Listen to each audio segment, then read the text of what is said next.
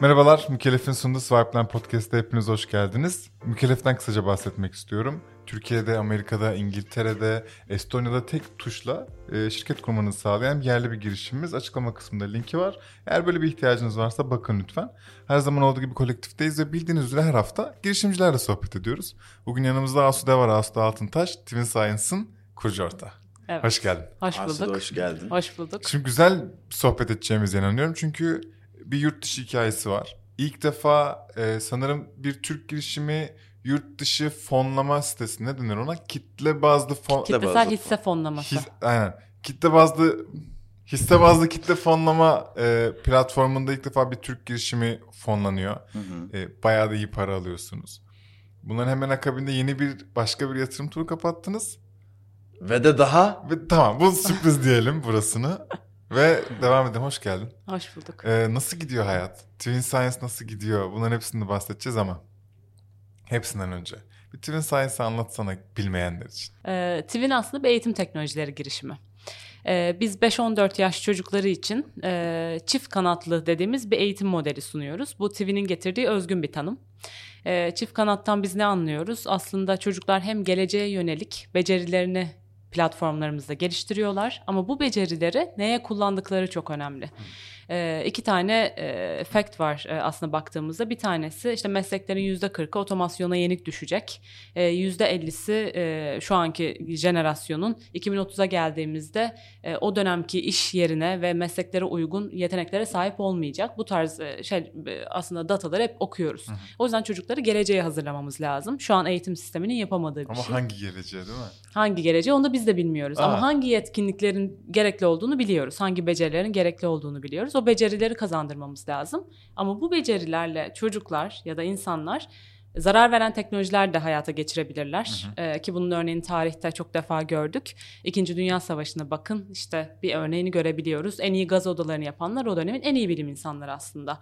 Ee, bu örneğe baktığımızda da ve şu anki yaşadığımız iklim değişikliği gibi konular aslında bizi ikinci kanada hazırlıyor. Yani bu teknolojileri neye yönelik geliştireceksiniz, neye yönelik uygulayacaksınız orada da vicdan konusu devreye giriyor. Orada bir etik de öğretiliyor aslında. Aynen öyle. Aa, yani çok iyi. bilimsel bilgilerle insani değerleri birleştirip çocuklara çift kanatlı bir eğitim sunuyoruz. Bunu yaptığımız araçlarımız var. Fiziksel setlerimiz var, dijital uygulamamız var. Bir sonraki büyük ihtimalle VR olacak ama bütün bu araçlarla çocuklara bu iki beceriyi, iki kanadı kazandırmaya çalışıyoruz. Daha doğrusu o kanatlar onlarda var. Biz sadece açmalarına yardımcı oluyoruz Aa, diyeyim. tıpkı küçük bir onlar e, kuş yavrusu ve uçmayı öğreniyorlar Evet. sizinle birlikte gibi bir hikaye var. Çok güzelmiş. Tam olarak hangi yetkinliklerden bahsediyoruz? Yani burada bilimsel dediğiniz hangi dallar, neler var? Şu an çocuklara daha çok elektronik, robotik, kodlama ve yapay zeka öğretiyoruz. Aynı zamanda beceri e, olarak da problem çözme, yaratıcılık, e, birlikte başarı gibi e, aslında e, 21. yüzyılın gerektirdiği yetkinlikleri de öğretiyoruz. Bütün bunların harmanlaması sonucunda bir tane örnekle açıklayayım. Çocuklar e, kodlama öğreniyorlar. Bu kodlamayı iklim değişikliği problemini çözmek için kullanıyorlar. Hmm. TV'nin eğitimlerinde aslında iki kanadı bu şekilde hayata ben geçiriyoruz. peki burada şeyi sormak istiyorum. Şimdi bu bir okul müfredatına dahil olan bir eğitim mi yoksa her çocuk okula gitmek zorunda ve ekstra ailesi onunla ilgileniyorsa ve sizden haberdarsa e, ona Twin Science'la eğitim vermek gibi bir işleyiş mi? Nasıl yani sizle tanışması çocuğun birlikte olması hayatına e, dahil olması ne şekilde gerçekleşiyor? Aslında çok güzel bir soru. Çünkü e, ilk yola çıkarken de bunun üzerine epey bir konuştuk. Müfredata girmeye çalışmalı mıyız? Çünkü baktığınızda her ülkenin müfredatı farklı. Ve iyi de bir kaldıraç aslında bakınca. Bir anda Allah bilir kaç yüz bin veya milyon çocuğa ulaşacağız. Ulaşabiliyorsun. Ama Türkiye müfredatına yaptın. İngiltere müfredatı bundan farklı. Amerika müfredatı bundan farklı.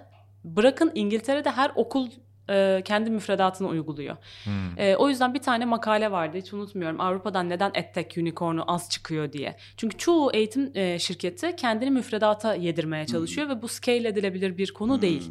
O yüzden biz e, şöyle bir karar aldık. Yola çıkarken biz müfredat üstü olalım. Çünkü zaten mevcut müfredat e, çocukları geleceğe hazırlama konusunda yetersiz. E, biz e, okul sonrası ya da e, ek materyal dediğin gibi olarak kendimizi konumlandıralım ve ailelere hedefleyelim. Okullarla da birlikte çalışıyoruz. Okullar bunu bir kulüp etkinliği ya da belli ders saatlerine eğer öğretmenler hani bu konuda kendilerini geliştirmişlerse ve kendi müfredatlarını zenginleştirmek istiyorlarsa derslerinde de uygulayabiliyorlar. Hı hı. Biz onlara bir müfredatta sunuyoruz. Ama e, bu TV'nin kendi özgün müfredatı. Ama bizim şu an hedefimiz ailelere ulaşmak. B2C dediğimiz Çok kanaldan iyi. büyümeyi tercih ediyoruz. Bu ailelere ulaşmak bence güzel bir konu. Hemen onu alıyorum bir tarafa. Başka yine çocukla ilgili bir sorun var. 4 kaç 5 14 yaş arası mı demiştin? Yani aslında hakikaten ilk okul zaman başladığından Ve hatta liseye kadar. Liseye kadar. evet. öyle bir dönemden bahsediyoruz. Ee, ve çok ciddi öğrenimin olduğu da bir zaman. Birçok şey öğreniyoruz ya matematiğinden Türkçesine ya da işte başkası için İngilizcesine vesaire. Benim anladığım üzere ben tüm örgün eğitimimi aldıktan sonra okula gidiyorum sabah, akşamüstü dönüyorum. Bir de Twin Science, Twin ile birlikte bir eğitim alıyorum gibi. Bu yıpratıcı bir şey olabilir mi çocuk için? Yani yoğun bir öğrenimde acaba çok İngilizce kelime kullanmak istemiyorum. Fazla yüklenmiş olabilir mi? E, bunu eminim ki düşünmüşsünüzdür. Ona göre nasıl bir zamanlama, nasıl bir yoğunluk ve bunların hepsinin yanında ne kadar oyunlaştırılmış, ne kadar eğlenceli bir şey tasarlıyorsunuz ki bu çocukcağızlar e, kafaları patlamasın. Ay, olabildiğince oyun yapmaya çalışıyoruz. Yani Aslında bunu çaktırmadan öğretmek diyelim. çaktırmadan öğretmeye çalışıyoruz. Ee, şöyle bizim şimdi geçmişe bakarsanız e, bir 10 yıllık saha tecrübemiz var. Yani 20 binin üzerinde çocukla saha çalışması yaptık. Çoğunlukla dezavantajlı okullarda. için. Twin için, Ha. YGA bünyesinde. Oradan da belki bir hikayeyi de anlatmak lazım. Birazdan Kısaca ona gire- geleceğiz ama. Tamam. O çalışmaların sonucunda şunu gördük ki çocukların ilgisini çekmeden onlara bilgi vermek mümkün değil. Bir tane üçlü. İlgi, bilgi, sevgi de Ya birleştirdik ben, bunları. Benim için bile geçerli yani. bu, bu insanların öğrenme şekli aslında. Hepimiz mi? için geçerli. Siz kendinizden düşünün. Belki biraz tarihi bir konuya merak sardınız. Biraz öğrenmeye başladınız. Öğrendikçe artıyor? ilginiz artıyor, bilginiz artıyor. Bilginiz arttıkça sevmeye başlıyorsunuz. Evet. Konuyu sevdikçe daha çok ilgileniyorsunuz. Bu çocuk için de böyle. Şimdi biz tahtaya çıkıp bilim anlattığımız zaman çocuklar sıkıldı, katılımlar düştü. Biz ne zaman yurt dışından belli oyuncaklar getirdik, çocukların önüne koyduk. Bir anda katılım artmaya, herkes arkadaşını getirmeye başladı. O zaman dedik ki yani eğitim için en önemli şey ilgi, bilgi, sevgi, ilgi içinde eğlenmek. Çocuk eğleniyorsa zamanı unutuyor, kendini unutuyor ve o onun aslında o immersive dediğimiz ya içine giriyor Aynen öyle. ve ilgisi, bilgisi ve sevgisi artmaya başlıyor. O zaman biz bu deneyimi nasıl bir okul ve eğitim değil de bu ilgi e, çekici bir e, oyun e, vaktine çevirebiliriz. O yüzden bütün ürünlerimiz oyunlaştırılmış ya da e, direkt oyunlardan oluşuyor. E, fiziksel setler oyunlaştırılmış, e, dijital uygulamada da direkt STEM eğitimleri e, sunuyoruz. Ne kadar sıklıkta bir çocuk Twin kullanmalı ya da oradan eğitim almalı gibi bir şey. Ee, aslında her gün açması için teşvik ediyoruz. Şu an ortalama 3-4 gün açıyorlar e, uygulamayı. Ama her gün bir 15-20 dakikayı biz teşvik edecek şekilde içerik sunuyoruz. Ee, kendi çocuk kendi başına mı eğitim görüyordu yoksa orada bir eğitmen e, orada bir öğreten biri var mı? Aslında şöyle e, bizim amacımız tamamen çocuğun kontrolünde olması. Yani eğitiminin kendi e, ve geçireceği vaktin TV'nde kendi kontrolünde olması. O yüzden uygulama tamamen çocuğun kendi başına Ayrı bir kullanacağı bir beceri uygulama. katmaz zaten. Aa, değil mi? Öyle de öğreniyor aslında. Aynen Evet. öyle. Yani hangi alana ilgi duyuyorsa o alandan devam etmesi, hangi modüle girmek istiyorsa o modüle girmesi. Ama tabii ki belli eğitimlerimiz var, robotik kodlama. Onlar eğitmen eşliğinde öğretilen eğitimler. Aa, Ama onlar da çocuk kendi hızına ve e, isteğine göre şekillendiriyor. Ama o eğitimleri hazırlarken belli eğitmenlerle çalışıyoruz. Süper. Benim burada bir sorun var yine. Mesela çok farklı ülkede yani 30 ülkeden fazla zannedersen değil mi Öyle mi? sizi kullanan? Şu an Kaç e, ülkedir? şöyle satış yaptığımız 60 ülke var. Doğru. Okey gerçi 30 ülkeden fazla. Evet. Doğru. Bu ülkeler arası farklılık sadece dil midir? Yoksa her ülke özelinde oranın kültürüne dair bir şeyler de var mı Hmm. eğitim şeyinizde Yeni bir ülke Veya... eklemek ne kadar Aynen, zor, okey. değil mi? İkinci sorum bu sonra sorusu. Şimdi bu içinde çok fazla soru barındırıyor ama şöyle e, Yeşim Kunter diye bir İngiltere'de yaşayan bir oyun e, tasarımcısı var. Çok böyle e, ilham veren biridir. O şey demişti hiç unutmuyorum. Aslında STEM dediğimiz yani bu bilim, teknoloji, e, mühendislik, matematik global bir dil. Kodlama global bir dil. Bunların artık e, ülkesi kalmadı. Çünkü her ülkedeki çocuk bu dili konuşabilir. Bilim de öyle. Bilim aslında evrenin dili baktığınızda. Evrenin nasıl çalıştığını bize anlatıyor. O yüzden bunlar global diller. Bu e, Türkiye'deki çocuk için de benzer. İngiltere'deki çocuk için de benzer. Amerika'daki çocuk için de benzer. Sadece onların ilgisini çekmek yine dönüyorum ilgiye. Tabii ki kültürel e, faktörler çok önemli. Onların yerel günleri, belli özel günler. E, Christmas bizim için çok önemli olmayabilir, onlar için çok önemli. E, ya da belli onlara ait bayramlar var gibi kontenti olabildiğince lokalize etmeye çalışıyoruz. Hangi e, ülkeye girdiysek o ülkede e, lokalize kontent üretmeye çalışıyoruz. Okay. Hikayeye gelelim. Ay, özür dilerim. Gelelim. Hikaye e, hikayeye gelelim. Az önce bahsettik işte bir YGA ayağı var bu hikayenin. Belki merkezi var bile demek doğru olur. Önce sen bir kimsin, neler yaptın, neden bu işe başladığını anlatarak bir de o e, TV'nin hikayesine bağlayabilir misin? Bağlarım. ee, çok da güzel bağlarım çünkü benim hikayem benim hikayem YGA'nın hikayesi ve TV'nin hikayesi çok organik olarak bağlı. Ee, ben Orta Doğu Teknik Üniversitesi'nde okuyordum. işletme bölümündeydim. Kafası karışık bir genç kız. Ee, ileride ne yapacağını bilmiyor. Ee, bana girişimci olacaksın desen hani asla. Hani öyle bir... E... Düzgün konuş be öyle bir e, düşüncem yok. Olabileceğimi düşünmüyordum daha doğrusu. Kendine insan hani belki yakıştıramaz mı diyeyim. Hani daha yuk- yukarıda bir yerde görüyordum. Ee, ama ne yapacağımı bilmiyorum. Kurumsal bir şirkette çalışmak istemediğimi çok net biliyordum. Çünkü bir staj deneyimim oldu. Ee, ondan sonra çok bilinen güzel bir kurumsal şirkette daha staj günün ikinci günü gün saymaya başladım ne zaman bitecek diye. Neresi ya isim ver de şuralar bir canlansın. ee, ya o şirkette ait bir şey değil Coca-Cola yaptım ama şirket çok iyiydi. Az önce bütün sponsorluk hayallerimizi Bu bölümü kesebiliriz. ee, Coca-Cola yaptım şirket çok güzeldi. Sadece ben e, daha fazla sorumluluk almak istiyordum galiba. Bir stajyere verilen sorumluluktan çok daha fazlasına gözümü dikiyordum. Ee, sağa sola saldırmaya başlamıştım. Ee, anladım ki kurumsal dünya bana göre değil. Hiyerarşik yapılar da bana göre değil. E, bu sefer STK'lara bakmaya başladım. Orada da çok konuşmanın, çok e, samimi insanların olduğu ama az projenin ya da az sonucun ortaya çıktığını gördüm. Şimdi bu ikisi çok kafamı karıştırdı. Çünkü sanki alternatif bir yol yokmuş gibi gelmeye başlamıştı. Ta ki bir gün e, her bütün arkadaşlarım bir şeye başvuruyordu. O başvurunun son günüydü. Ben de hani bir furya zaten her şeyi deniyorum. E ben de başvurayım neymiş bu? YGA. E, nedir bu? İşte bir liderlik okulu. Ondan sonra aynı zamanda geleceğe e, böyle hani bu çift kanat kavramından aslında etkilenmiştim. Geleceğe umutla bakmamızı sağlayan çift kanatlı gençler yetiştiriyor. Allah Allah nedir bu? YGA'nın zirvesine gittim. Ve gerçekten hayat hani insanın böyle bir e, dönüm noktası, öncesi sonrası e, deneyimi varsa benim YGA zirvesiydi. Çünkü sahnede o zaman YGA'nın başkanı var Gökhan Meriçler ve yaptıkları çok bir kere mütevazi bir insan. Crocs'la ve buruşuk gömlekle sahneye çıkmış. İşte e, tam bir startup e, founder gibi görünüyor ama NGO yani burası bir e, sivil toplum kuruluşu. Aynı zamanda e, görme engelliler için yaptıkları teknolojileri anlatıyor teknolojiden bahsediyor ama aynı zamanda görme engeller için diyor. Aldıkları ödülleri söylüyor. Çok etkilendim. Yani galiba dedim yapmak istediğim şeyi buluyorum. Çünkü hani fayda var. E, dünyaya faydalı bir e, iş var ama bunu teknolojiyle birleştirip scale etme boyutu hmm. var. Tam o hani kurumsal ve e, aslında o aradığım hani o sivil toplum kuruluşunun anlam boyutunun birleşimi gibiydi ve ben dedim ki ben bur- burada olmak istiyorum. Bu insanlarla çalışmak istiyorum. Samimi ve sonuç çıkaran ve bu işleri yapmak istiyorum dedim. O gün bugündür ben YGA'dayım. Ee, önce YGA gönüllüsü oldum. Her hafta sonumu Anadolu, biz de ikinci bir bakış açısı getirdik. ikinci bir proje getirdik görme engelleri olarak. Bilim eğitimi. Her hafta sonumu Anadolu'nun bir ilinde geçirdim. Kars, Malatya, Iğdır, Van hani gezmediğim Anadolu Mükemmel. ili kalmamıştır. Şu anki kurucu ortaklarımızla birlikte o dönem bu projeyi başlattık. Aziz Sancar, Doğan Cüceloğlu, Mehmet Toner, Harvard'da MIT'de bilim insanı onların danışmanlığında bilimi sevdirmeye e, çalıştık Anadolu'da. E, görme engel şey, pardon e, yetim evlerinde, mülteci kamplarında ve e, köy okullarında çalıştık. Bahsettiğim 20 bin e, çocukla çalıştığımız dönem buydu. Hı hı. Okullarda kütüphaneler açtık ve bilim seansları yapmaya başladık. Ve öğrenme süreci oldu bizim için. Çünkü başta biraz daha anlatımla yapıyorduk ama bilimi sevdirebildiğimizi düşünmedik anlatarak. Daha çok sıkıyorduk çocukları. Hı-hı.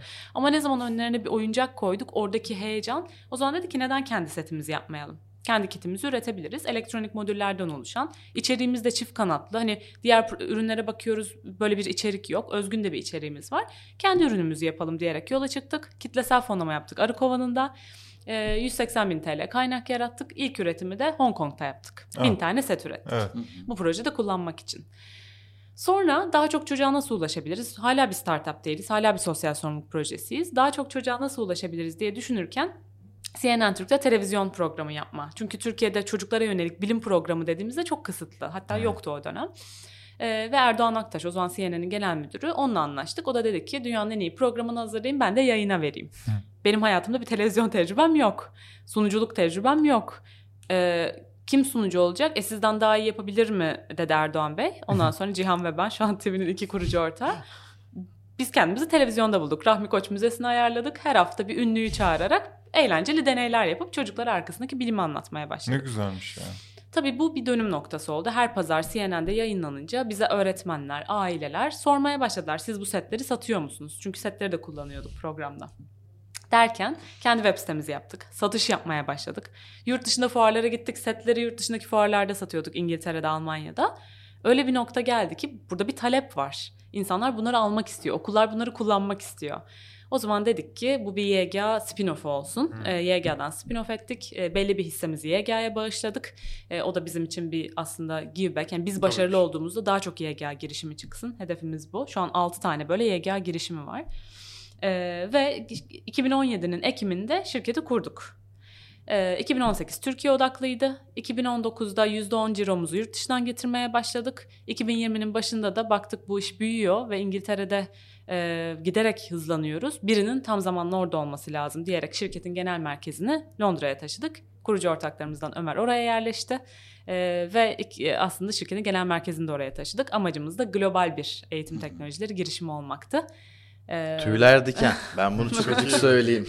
Hikaye, hikaye aslında normalde tam tersi olur. Şirketler kurulur.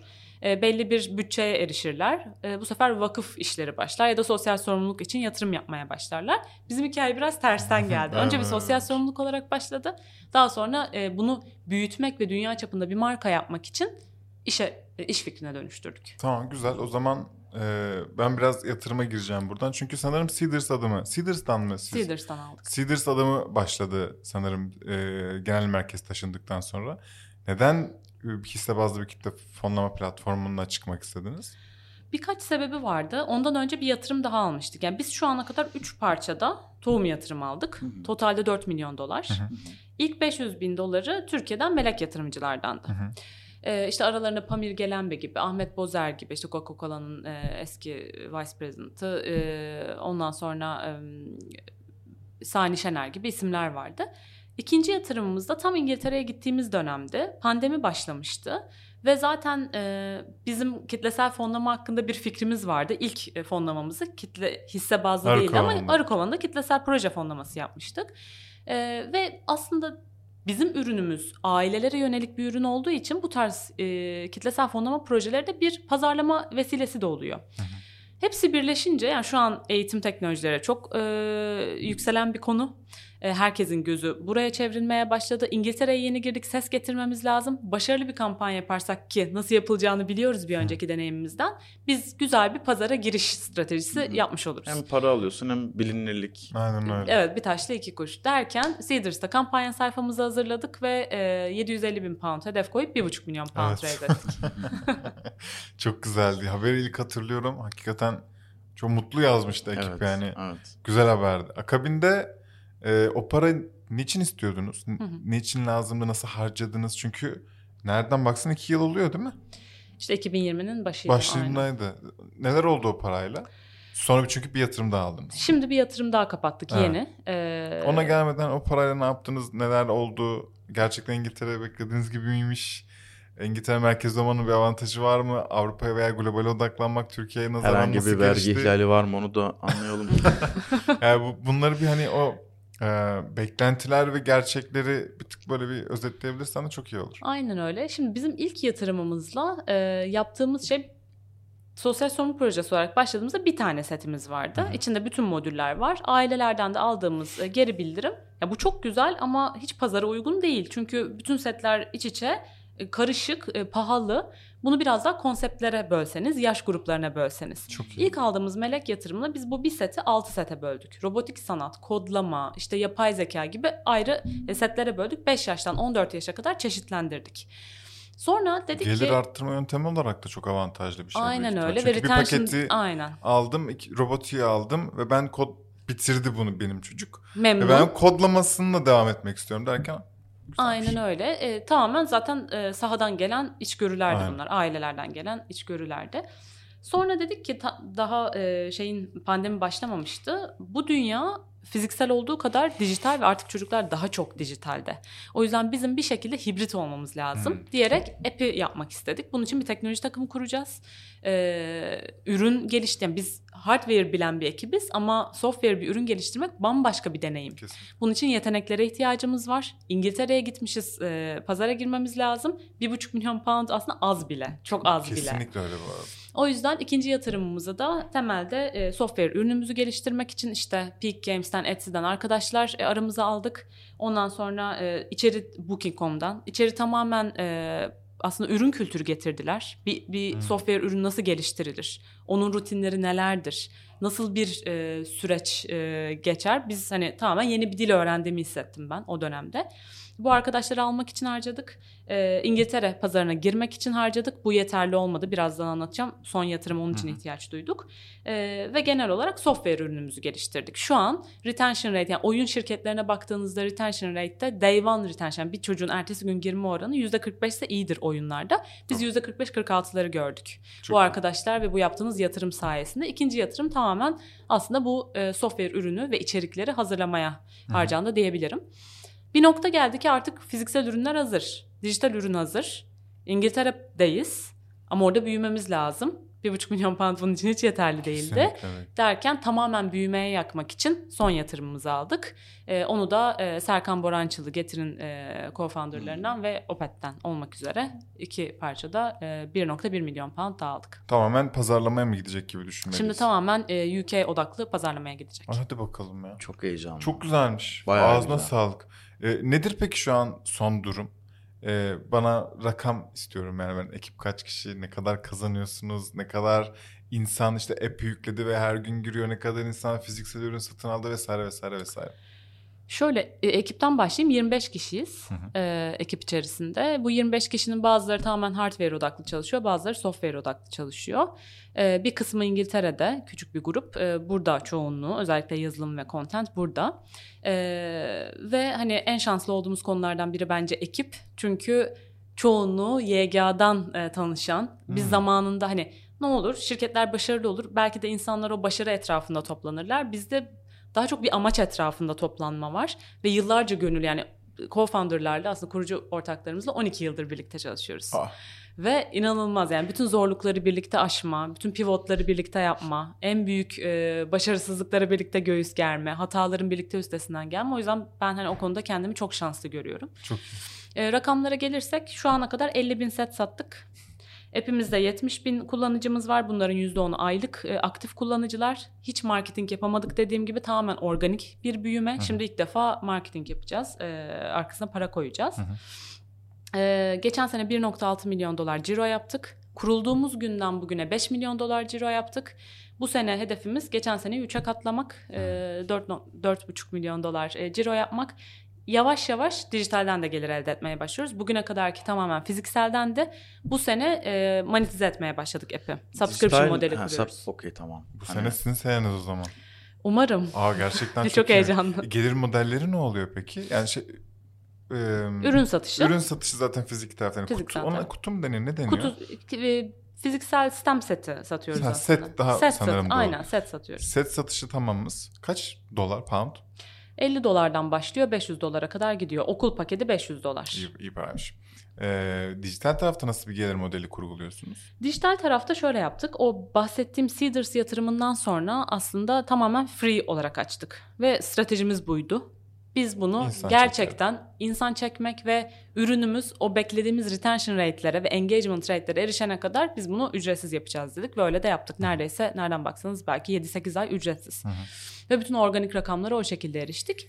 4 ay önce monetize etmeye başladık. iki tane paket oluşturarak. Bir tanesi tamamen dijital.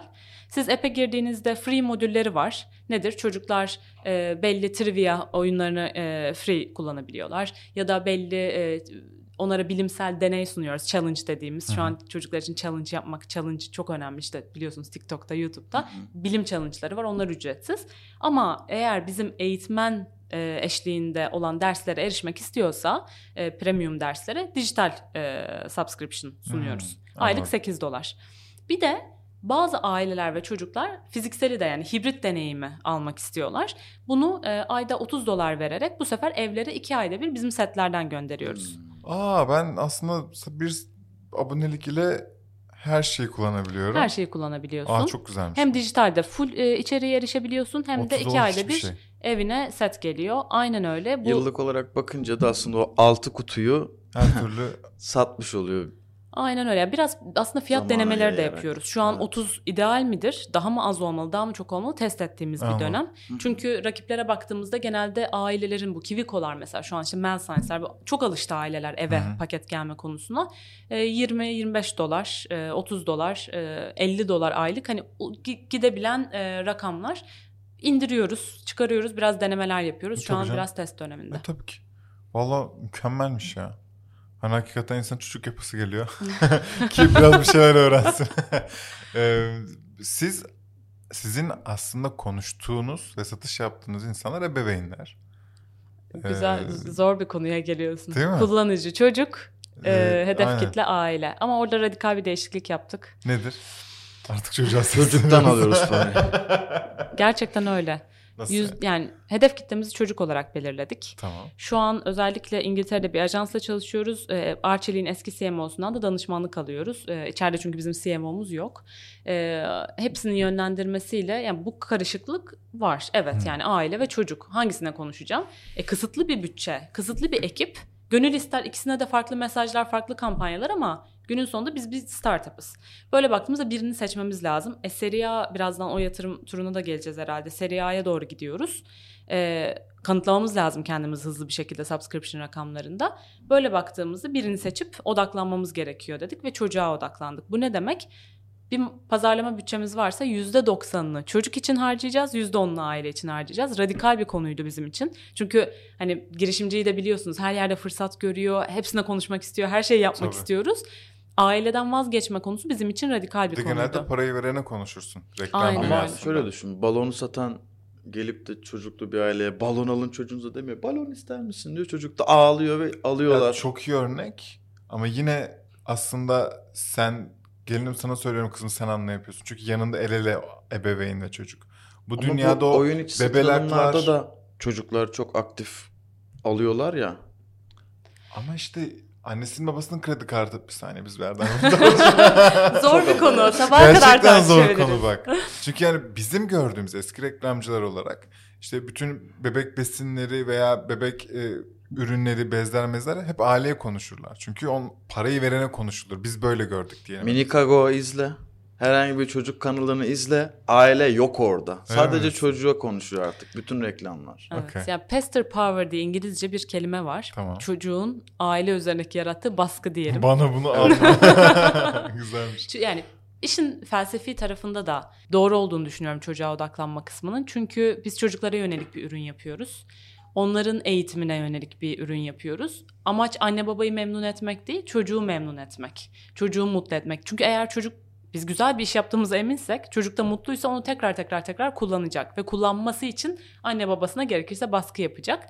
Ee, o yüzden e, çocuğu merkeze alıp onun ilgisi, bilgisi ve sevgisi dahilinde bir şeyler üretmek bana doğru geliyor. Aksi takdirde anne babayı çok güzel bir şekilde ikna edebiliriz. Faydalı içerikler yapıyoruz, becerilerini geliştiriyoruz, geleceğe hazırlıyoruz. Ama çocuk bir kullandıktan sonra sıkılırsa ve kenara atmak isterse ya aile baskısıyla Devam hani edecek. devam edecek ya da devam etmeyecek çocuk zaten. O yüzden hani sadece pazarlama aracı olarak değil, felsefe olarak da çocuğu merkeze koymak doğru bir yaklaşım geliyor. Ben Böyle- sizin tarafınızdayım. Tamam ben de o zaman hem karşı yerde olmak istediğim için ben hala biraz daha parayı kim veriyorsa e, ona konuşmanın, onu mutlu etmenin- Bırakmıyoruz onları da. Sadece odak meselesi. Evet ama işte tabii ki ürün konusuna gelince çocuğun daha mutlu olması, oradan alınan şeyler, e, cevaplar çok daha önemli. Ben sen şurada e, çocuğun mutluluğunu önemsiyoruz deyince aklıma bir soru geldi. E, Okey mutluluk güzel ama burada bir sonuçta öğrenme e, şeyi var, iddiası var. Burada tabii ki çok muhtemelen siz asla kötü bir şey koymamışsınızdır için ama sizi denetleyen birisi var mı? Bunu Otsume'ye da sormuştum. Sizin bu eğitim olarak isimlendirdiğiniz şeyi ülkeler eğitim olarak tanıyor mu? Ee, nasıl gelişiyor bu işler? Bunları öğrenmek istiyorum. Aslında şöyle iki tane soru var bunun içinde. Bir tanesi bu moderatörler yani bütün içe, içeri konulan çocukların ürettiği içerikler, user generated content dediğimiz içerikler ve bizim ürettiğimiz içerikler kontrolden geçiyor. Hı hı. E, bunu moderatörler aracılığıyla yapıyoruz. Çocuk sayısı arttığında bu moderatörlerin sayısı da artacak. Tamamen hani bütün konuların içerikleri kontrol ediyoruz. Hı. Bu anne baba için çok önemli. İkinci konuda e, Ipsos'la araştırma yaptık. Kendi ürünlerimiz üzerinde. Yani çocuklar TV'ni kullandıkça onlarda bir değişim oluyor mu? Özellikle öğretmenler üzerinde bu araştırmayı yaptık. TV'ni kullanan okullar sorularda öğretmenler bu soruları cevapladı. Ve e, çok güzel bir sonuç var ki öğretmenlerin %97'si çocukların Twin'le oynadıkça sadece robotik kodlama yapay zeka konularına değil kendi akademik gelişimlerinin de arttığını söylüyor.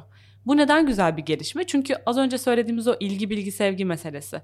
Çocuğun oradaki ve üç tane en çok gelişen e, yetkinliği, becerisi problem çözme, özgüven ve merak. Şimdi çocuğun zaten bu özellikleri artmaya başlayınca bu sefer derslere dönüyor. Hı-hı. O derslerde sıkıldığı ya da uzak durduğu konularla da ilgilenmeye başlıyor. Oradaki merakı artmaya başlıyor. E, merak arttıkça ilgi bilgi artıyor Hı-hı. ve sevgisi artıyor. Ben de kullanacağım ya. Gerçekten insan canım çekti. İmreniyor değil mi? Ben o oyunlarımızı öneriyorum. Bağımlılık yaratabilir.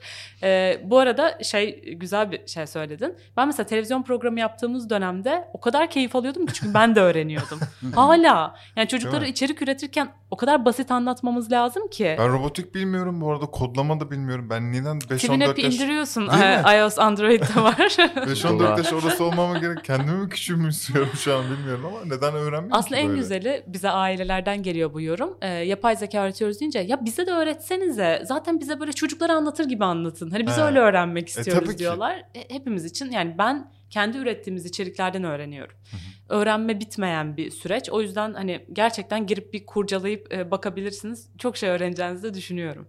Peki bu iş sence çocuktan çıkıp ergen veya ergine gider mi? Öyle roadmap'inizde veya işte yol haritanızda e, pinler var mı böyle? Hı hı.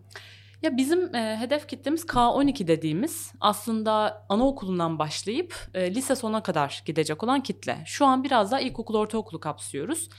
Yol planımızda biraz da önce erken yaşı alıp daha sonra liseye gitmek var. Hı. Çünkü çocuğun hayatına ne kadar erken dokunursanız, bu tohumları ne kadar erken atarsanız hayatına o kadar... Çünkü lisede bazı şeylerde geç kalmış oluyoruz. Özellikle 10-12 yaş arası çocukların geleceğe dair ne yapacağını şekillendirdiği yaşlar. Ve merak duygularının yönelmeye ve hani nasıl diyeyim en çok kendiyle ilgili belli sonuçlara vardığı yaşlar. Öz, şey erken gelişimde ne kadar önemli olduğunu biliyoruz. Öyle olunca biz ilk daha erken yaşa daha sonra liseye gitmek gibi bir planımız var önümüzdeki 3-4 yıl içerisinde. E, heh, önümüzdeki 3-4 yıl içerisinde de demişken hem yatırım önümüzdeki yatırım hem de gere- komple gelecek planlarını konuşalım. Ee, şimdi güzel bir süreçteyiz. Aslında çok stresli bir dönem ee, bizim için. Çünkü biz Seeders'ta yatırım aldığımızda convertible loan aldık. Hı hı. Bu ne demek? E, o hisselerin convert etmesi için belli bir e, zamanı var. Biz Eylül'de seri A turu kapatmamız gerekiyor. Sözleşmemiz gereği. Hmm. O yüzden önümüzde çok az bir zaman var ve bu çok az bir zamanda seri A e, turuna e, hazırlanıyoruz. Nisan gibi başlayacağız. Bir maraton koşturacağız. Hedefimiz de 8 ila 10 milyon dolar arası İngiltere'den ve Amerika'dan VC'lerden ve etki fonlarından hı hı. yatırım almak. Hı hı. E, bunun için neden stresli bir dönem? Çünkü baktığınızda biz bir hardware şirketiydik. Sonra software'i geliştirdik. Sonra o ücretsiz de monetize etmeye başladık. Bir pivot görüyoruz burada. Şimdi o monetization'ı yani daha doğrusu e, abone e, sayımızı arttırmamız lazım. Evet. E, baz, şu an binli rakamları e, ulaştık. İlk milestone. Hani ilk bin subscriber çok önemli derler ya. O rakama yeni eriştik. Aa, Şimdi onu 10 binli rakamlara getirmemiz lazım ki e, gerçekten etkileyici bir e, fon alabilelim. İlk bin abone çok zormuş gerçekten tebrik ederim. İlk bin abone gerçekten çünkü kendinizi ilk defa anlatıyorsunuz. Değer öneriniz değişiyor. Değer önerinizi daha iyi anlatmanız gerekiyor. Farklı bir pazardasınız. Türkiye pazarında değil artık İngiltere'desiniz. E, epey bir zorlukları vardı. E, ve bir şekilde ilk bin eşiğini açtık. Bence 10 bin eşiğini de bu aldı, aldığımız e, yatırımla, e, büyümeye yakacağımız yatırımla ulaşacağız gibi duruyor. E, sonra da başlayacağız e, bir maratona ve dediğim gibi İngiltere, Amerika'dan etki fonları ve VC'ler olmak üzere e, seri A turunu kapatacağız. Genelde de hep şunu söylerler en zoru seri A'dır. Hmm. Çünkü tohum yatırım bir şekilde geleceğe ve riskli ve angel'lar yaptığı için biraz daha kolaydır. Seri BC de zaten kolay gelir ama seri A aşılması gereken en zor eşiktir diye yaşıyoruz da iliklerimize kadar. E, ama ben çok güzel sonuçlanacağını düşünüyorum. Ondan sonraki plan da yani exit işte IPO vesaire hani tabii ki konuşuyoruz, düşünüyoruz hani ne olacak, ne bitecek. Ee, bir hayalimiz var aslında Twin'le erişmek istediğimiz bir hayal var. Bu hayal hem işin felsefi olarak dünyadaki tüm çocukların çift kanatlı yetişiyor olması. Ee, ilk yola çıkarken bir tane makale okumuştuk Business Insider'da. 2030'da dünyanın en büyük online e, şirketi bir eğitim şirketi olacak ve şu an var olmayan bir şirket diye. Biz bu olacağız diye yola çıktık. O yüzden o büyüklüğe erişmek istiyoruz. E, çünkü o çocuklarda bir etki yaratmak istiyoruz.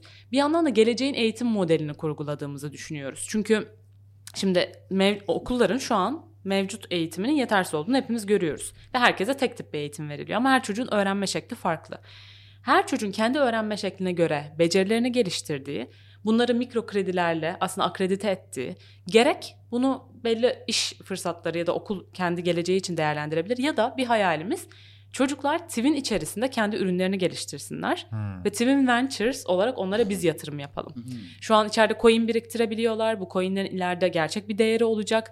Yani acayip bir dünya bizi bekliyor. Çocuğun Kripto ekonomi mi olacak diyorsun içinde? Böyle bir hayalimiz var. Çünkü Aa. şu an aslında e, utilize edebiliyorlar app içerisinde Aha. coinlerini. Kendi Twin ürünlerini alabiliyorlar. Farklı eğitim e, ürünlerini alabiliyorlar. İşte PlayStation alabiliyor çok eğer e, fazla coin biriktirdiyse. Aa öyle bir şeyi de var içeride. Tabii Twin app'in içerisinde bu Net var. Ve gerçekten çocukların en sevdiği kısım burası. Heyecanlandım birçok yerde. Bunu daha önce söyledim mi bilmiyorum ama bir daha söyleyeceğim. Hani şey modundayım. Param olsa Param direkt olsa yatırayım. versem. O zaman Bu güzel bir haberim var. Yaktık başımızı yine. e, Serie A'da e, belli bir kısmı bu 8 milyon doların belki 1-2 milyon dolarını Seeders'ta tekrar e, kitlesel hisse fonlamasını Ha, açıyor olacağız. Şöyle tamam. Ama daha da güzel bir haberim var. Allah İstersen 10 poundla da yatırımcı olabiliyorsun, 100 bin poundla da yatırımcı olabiliyorsun. Seeders'tan Artık ondan sonrasını sen düşün. İşte 100 bin pound senin için. Gayet yeterli bir. Çok iyiymiş. Hakikaten sevindim. Ben meblağ bana kalsın. Ben gireceğim Erdem'i bilemiyorum. E, ama dostlar bence sizin için de güzel bir haber. Eğer bizim gibi heyecanlandıysa çok sellout gibi oldu ama asla değil. Yani eğer Seeders'ta biz kesin haberini veririz. E, şey çıktı diye. E, ne çıktı oluyor?